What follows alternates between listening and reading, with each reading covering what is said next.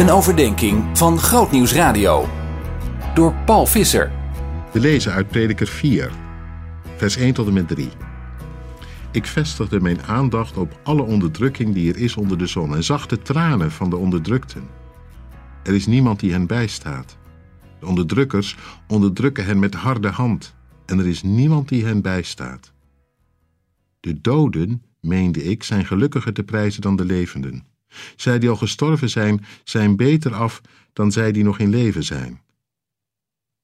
Maar beter af dan beiden is degene die nog niet geboren is en nog geen weet heeft van het onrecht dat er wordt begaan onder de zon.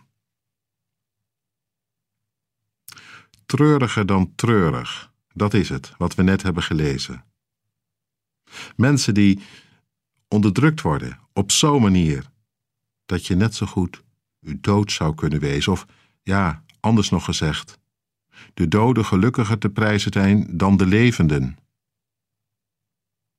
De prediker gaat nog een stap verder. Als het leven er zo uitziet, is het beter dat je helemaal nooit geboren wordt. Wat een trieste toestand. En dat nota bene in Israël. Ja, dat moet je even bedenken. Prediker kijkt om zich heen. Het gebeurt in Israël, onder het volk van God. Nota bene. Dat is toch niet te vatten, niet te volgen? Nou ja, prediker constateert. Intussen is het iets om helemaal akelig van te worden. Een harde hand die onderdrukt, mensen die over lijken gaan, zich verrijken over de rug van een ander heen. Terwijl die anderen er dan onderdoor gaan. Je ziet het om je heen, ook in de wereld van nu. Onderdrukking en uitbuiting, corruptie en onrecht. Soms ook heel dichtbij, om de hoek. Nou ja, je moet er soms heel bewust op letten, anders kijk je er zomaar langs heen of niet. Ik weet nog wel bij die toeslagenaffaire. Het was mij ontgaan. En ik woonde toch in Amsterdam. En om mij heen waren ook mensen die daarop waren aangewezen, maar ik had er geen erg in. Zo kan het blijkbaar gaan, al ben je dominee. Niemand die hen bijstaat, staat hier.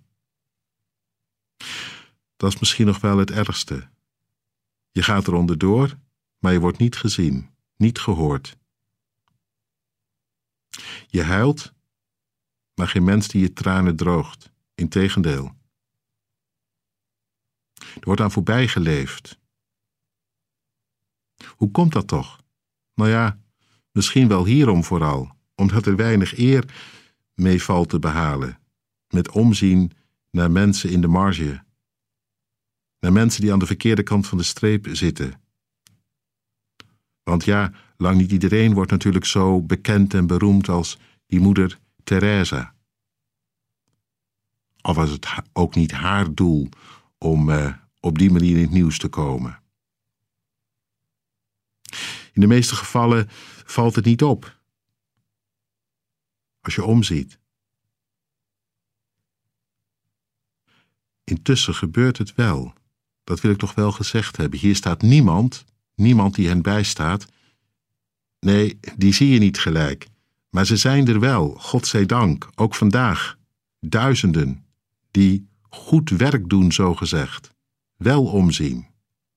Even opbellen, even langslopen, iets toestoppen of gewoon in de politiek publiekelijk ervoor gaan. Tot het, het gaatje, om het zo maar eens te zeggen.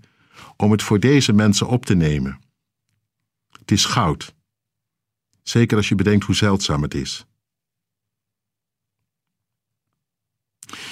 Je moet er ook wel, ja, hard voor hebben. Want eerlijk gezegd, er valt vaak niet gelijk veel eer te behalen. Het schiet niet onmiddellijk op als je omziet naar mensen die aan het kortste eind trekken.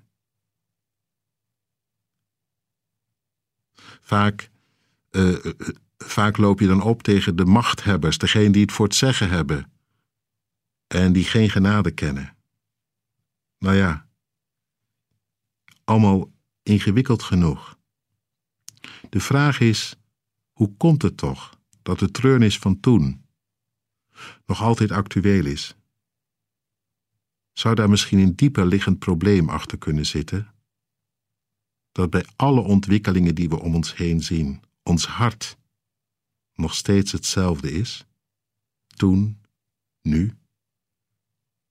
Hoe komt het toch dat we als gelovigen ook bij lange na niet altijd het verschil maken?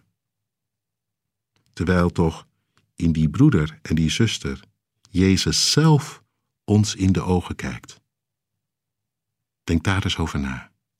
Zien in nog een podcast?